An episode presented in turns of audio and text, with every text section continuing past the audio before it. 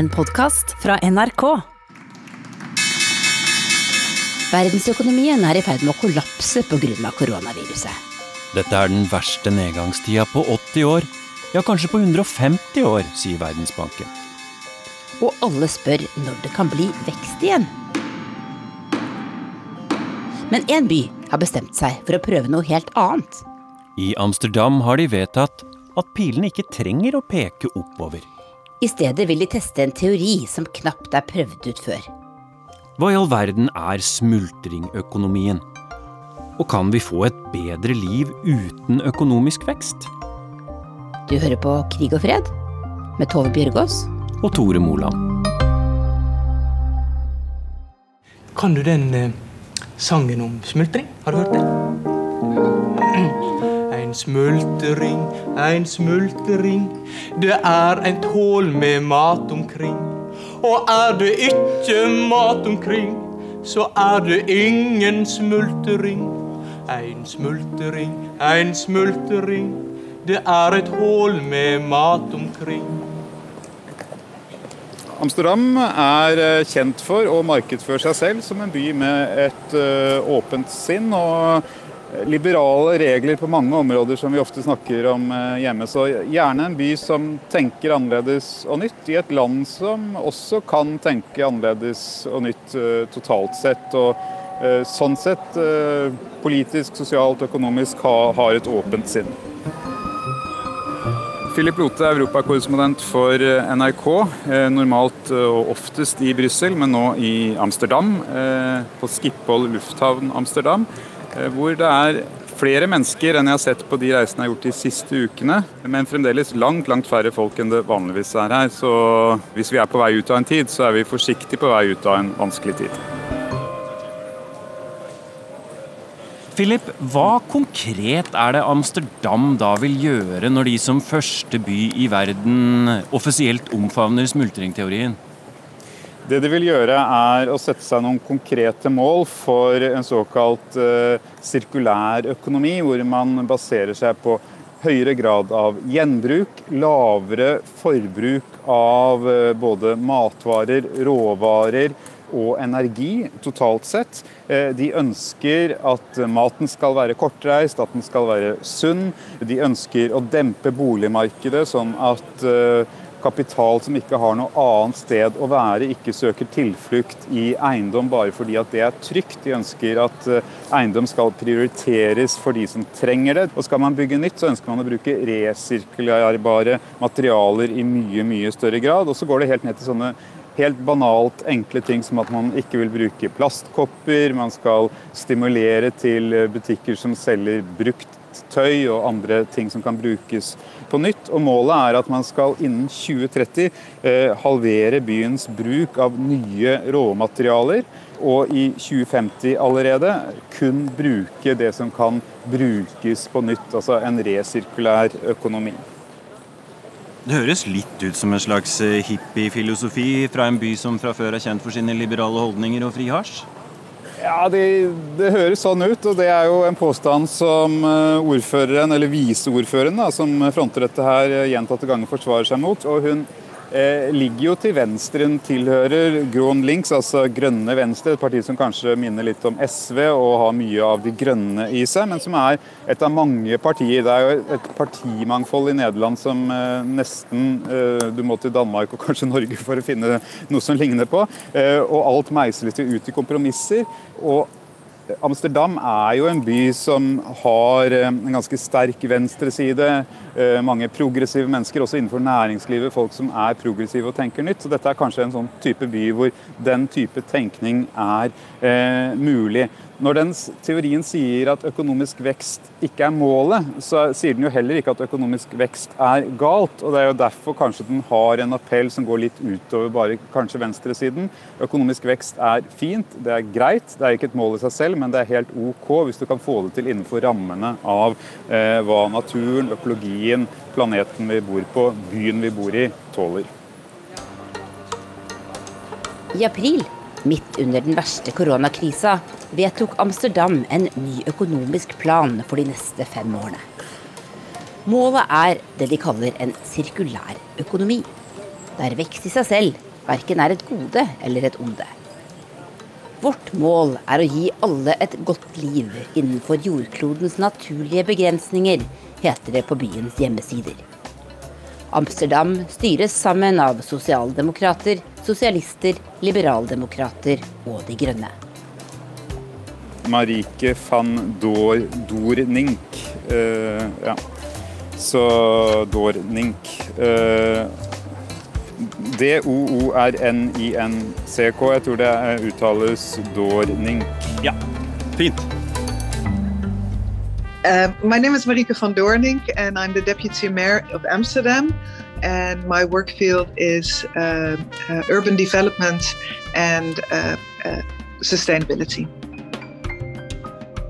I know that that a lot of people still have an idea that linear economy, so a economy that is only based on growth and kind of is based on the fact that that we need more and more and more and more materials and more and more and more which which produce more and more pollution that we can convince others that actually it is time to change is right now because there is this a moment of where the economy is is having a, a fall down. And actually you can say we can we go back to normal with all the um, negative aspects of what normal used to be or we can use this moment or size this moment to rebuild our economy uh, on new standards. Um, not not everybody thinks in this way but for us that's not a reason not to start this and do you have some concrete examples you could give us of what this circular economy implies? Yes, exactly, because it, it, it all sounds like very theoretical right now, but actually the things you can you can you, you can do yourself, you can do in a city. One of the things that we're doing is is really try to uh, to limit food waste, because it's of course strange that on one hand we have people starving from hunger, and otherwise we we throw away a lot of food. So we're supporting people of Amsterdam to for example, grow their own foods, and then the, the, organic materials that we actually throw away, that we can reuse them again, fertilizing the ground. So we can co- have a completely other way of looking at food waste. The other thing that we're doing is making it much easier uh, for uh, people of Amsterdam to reuse materials, to repair materials, to share materials. Um, and have like online marketplaces and repair services that we don't have to consume in the way that we're used to doing, but actually to uh, to have more of a, a sharing economy and more of a repairing economy instead of buying all kinds of new stuff. And the last one is how we're looking at our built environment to look at that we that that construction companies use much more sustainable materials uh, such as, as woods or other uh, bio-based uh, materials, but also, for example, that we use much more materials that have been used in other buildings before. So those are a few examples of very practical which we can do within our own city without needing needing others. I was going to ask you about that, uh, Deputy Mayor. Amsterdam is a city in the Netherlands. You're a part of uh, the European Union and you have a huge port uh, doing business with the rest of the world. And the rest of the world is very much focused on market economies and focus on growth. How is this going to work in a larger perspective? Well, the fact that not everybody is on board yet doesn't doesn't mean we don't have to start. And uh, uh we are one city. I know there's there's many other cities looking at this. For example, uh, Philadelphia and Portland. Um, so there's also in other parts of the world people are looking at this kind of um, model in order to shape our economies. It's not like a blueprint, it's really a model, a framework which you can use in order to have a more just society. And I'm very, very happy, so very happy to. Um, that the, the the steps we have taken is is is uh, is inspiring others. Skal vi ta den en gang til, så du også være med på den. Du kan sikkert denne sangen fra før. Skal vi ta den? Ein smultring, ein smultring, det er et hål med mat omkring. Og er der ikke mat omkring, så er der ingen smultring. Ein smultring, ein smultring, det er et hål med mat omkring. Philip, hva er denne smultringteorien som Amsterdam sier de vil innføre, egentlig? Smultringteorien er en, et økonomisk eh, verktøy som eh, er utviklet av en professor ved Oxford University på Environmental Change Institute der. Hun heter Kate Raywood, hvis jeg uttaler det riktig. Og hennes bok, som da rett og slett heter eh, Donut Economics, eller Donut Economics, Seven Ways to Think Like a 21st Century Economist, den tegner et bilde hvor du har en smultring. Den innerste sirkelen er de behovene et menneske er nødt til å tilfredsstille for å kunne leve et eh, godt liv. Hvis du ikke har disse levevilkårene, så er du inne i midten av smultringen. I hølet, rett og slett? Rett og slett i hølet. Eh, og hvis du er i ytterkantene, eh, så beveger du deg så langt ut at da klarer ikke jorden, planeten, lenger eh, å bære den økonomiske aktiviteten. Så det er den deigen i midten, massen i midten, som vi kan spise av, utfolde oss i, ha økonomisk aktivitet i, her kan vi boltre oss. Og Det som er spesielt med eh, smultringteorien, er at den sier at økonomisk vekst i seg selv ikke er et mål. Nå er jo ikke dette noe nytt på, eh, når man snakker med venstreøkonomer, men det den forsøker å gjøre, er å eh, gi et verktøy som man kan styre mellom hva mennesket må ha, og hvor mye planeten tåler. Det syns jeg var en steike god forklaring. Philip. Ja, ja.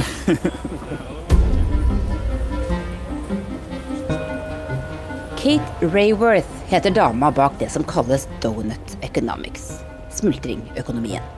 It's time to think again. To reimagine the shape of progress. I en TED-talk viser hun fram tegninga av smultringen sin, som hun nå vil snike inn i alle økonomiske lærebøker. Hullet i midten av smultringen er der menneskene havner hvis vi ikke har nok til å oppfylle våre grunnleggende behov. Og ytterkanten av smultringen er grensa for hva jordkloden tåler av påkjenninger. So that we can instead focus on thriving in balance within the social and the ecological boundaries of the donut. Målet er at hele menneskeheten skal kunne leve godt der inne i bakverket til den britiske økonomen. Jeg vil si at Dette er mer en tegne- og fortellermodell enn det er liksom en analytisk modell. For meg er dette er litt stygt sagt. Det er litt sånn det jeg kaller for flyplassøkonomi. Det er sånn som selger på flyplassen. Og det er veldig fint. Det er, det er en ekstremt nyttig ting. Det, det, er viktige folk som flyr. Det er forretningsfolk og politikere og sånn. Det er sånn som de kikker litt fort igjennom og sånn. Derfor kan de få et inntrykk av det. Jeg er Kalle Mone, er professor i økonomi på Økonomisk institutt, Universitetet i Oslo. Og du er en økonom som er opptatt av bærekraft og økonomiske forskjeller? Ja, kanskje mer det siste enn det første, men det henger jo sammen. Det er veldig vanskelig å få til en fornuftig politikk for å få til eh, hva skal si, biologisk eh, bærekraft med mindre en har, en har en følelse av å være i samme båt, at en har små forskjeller mellom folk. Men da jeg ringte deg og spurte om smultringteorien, så var den relativt ukjent for deg? Ja, for det, det er en, først og fremst etter mitt syn en uh, illustrasjon på noen av problemene og hvor sammensatte problemene er. En fin illustrasjon. Jeg er usikker på om det er noe helt genuint nytt i, i dette, men det er viktig å se tingene i sammenheng, og, og dette er en nyttig og god illustrasjon. Vi har jo levd i en tid der uh, løftene som vekstfilosofene ga, er veldig vanskelig å innfri. Altså det, det, tror jeg flere og flere innser, at, at, veksten løser ikke de grunnleggende problemene. Mange i verden trenger økonomisk vekst, men ikke alle. Og noen kunne godt trenge litt negativ vekst. Men er det ikke veksten som gir oss velstand og et bedre liv, da? Det har det vært, men uh, la oss ta et eksempel. Når en ser for seg vekst, så ser en at en skal få seg en vekst i inntekt, så da skal en bo like godt som de som er mye rikere enn en sjøl er. Men når en sjøl er blitt omtrent like rike som de som en så veldig opp til, så ser en at, at det som de okkuperte av uh, goder og posisjoner i samfunnet, er blitt mye vanskeligere å oppnå, for dette er en absolutt knapphet på dette. Det er bare et begrenset antall tomter på Nordberg. Og det alle kan ikke bo på Nordberg, selv om det er veldig gjevt å bo der hvis du er rik nok. Og Nordberg er et veldig populært sted i, å bo i Oslo. Men som et eksempel, det er bare et begrenset antall uh, strandtomter, og det burde antagelig være ingen, for dette burde være uh, allmenn rett til å være der. Så det er mer den kollektive rasjonaliteten som må løse folks langsiktige ønsker. Men for å nå dit, så er, trengs det omfordeling. Og det trengs også omfordeling av veksten. Veksten trengs i fattige land, men i mindre grad, uh, eller i hvert fall med et annet innhold i vår del av verden. Brutto nasjonalprodukt, eller BNP, er den samla verdien av alle varene og tjenestene som produseres i et land i løpet av et år. Og BNP blir ofte brukt som mål på velstand. GDP can be thought of as an overall grade on the economic report card of a country or region. Når man skal rangere hvor godt folk har det i forskjellige land, er det som regel bruttonasjonalprodukt per innbygger som sammenlignes. GDP means the value of all final goods and services men i år kommer BNP til å falle pga. den økonomiske krisa som koronapandemien har skapt. Norges BNP f.eks. falt med 11,4% i mars og april. Altså, BNP, altså nasjonalregnskapssystemet, ble laget med et begrenset formål. Det var aldri laget som en indikator for eh, velferd og levestandard. Det var liksom en del av den vurderingsgrunnlaget. Og til å holde orden på økonomien at, at eh, nasjonalregnskapet kom. Og det er mange alternative forslag eh, til hvordan en skal gjøre dette. F.eks. at et grønt BNP som legger større vekt på den slitasjen en har på naturen i å frambringe materielle goder. Og en har også en BNP som legger større vekt på eh, f.eks. verdiskaping i heimen, eller ting som er utenfor registrering på vanlig måte. Men hva er problemet da, Kalle Mone, med dette fokuset på ja, verdiskapningen? Det, det, som Problemet med det er at, at en må passe på at en har med alle kostnadene. Uh, og en har med alle verdiene som blir skapt. Og begge deler er det store hull.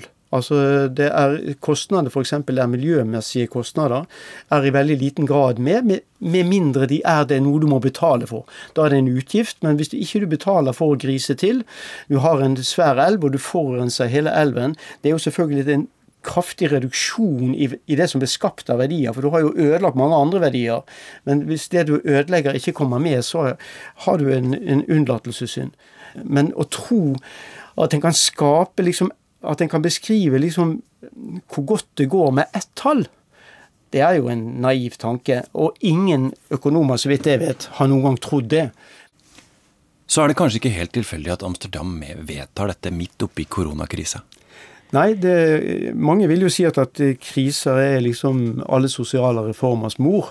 At en uh, bør benytte anledningen til det. Det er i og for seg enig i at dette er et fint utgangspunkt, men det er viktig at en har tenkt igjennom hva en skal gjøre. Ikke at en gjør hva som helst bare fordi nå er det krise. Da kan jo denne smultringteorien uh, være en, et hjelpemiddel til å ha tenkt igjennom hva en faktisk skal gjøre.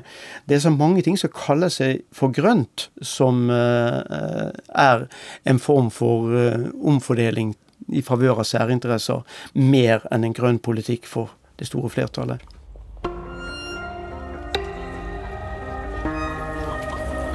Philip, du befinner deg nå i Amsterdam. Du skal videre med et tog til Brussel, EU-hovedstaden. Det er jo ikke langt imellom de to byene, men hvordan tror du ideene fra Amsterdam kommer til å bli tatt imot av resten av EU? Jeg tror de blir eh, svært godt mottatt eh, hos ledelsen. Og hvis de klarer å gjøre at de blir en modellby, at de går foran, eh, så er det jo helt perfekt. Det er kort avstand til Brussel, som du sier. Brussel er kjent for at ting tar eh, lang tid, men hvis det går raskt i Amsterdam, så er det en kort togtur unna. Da kan man vise fram denne fremoverlente og spesielt interessante og ofte svært sjarmerende byen. Hva slags oppmerksomhet får Amsterdam da for dette økonomiske eksperimentet sitt? De får oppmerksomhet, og det at uh, Oxford-professoren har vært i Brussel og snakker med EU, gjør at uh, Amsterdam markerer seg som en by som ligger langt fremme den veien som EU-kommisjonen og EUs ledere, ledere ønsker å gå.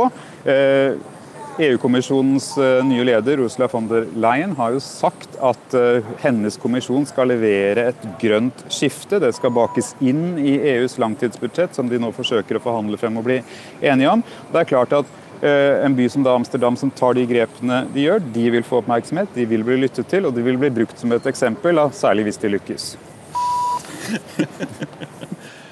God tur videre, Filip. Ja, fint. Takk, Tore. Ha det. Du har hørt Krig og fred fra NRK Urix. Lydregien var ved Merete Antonsen. Og smultringssangen vår var fra Leikestove i barne-TV fra 1972. En smultring, en smultring, det er et hål med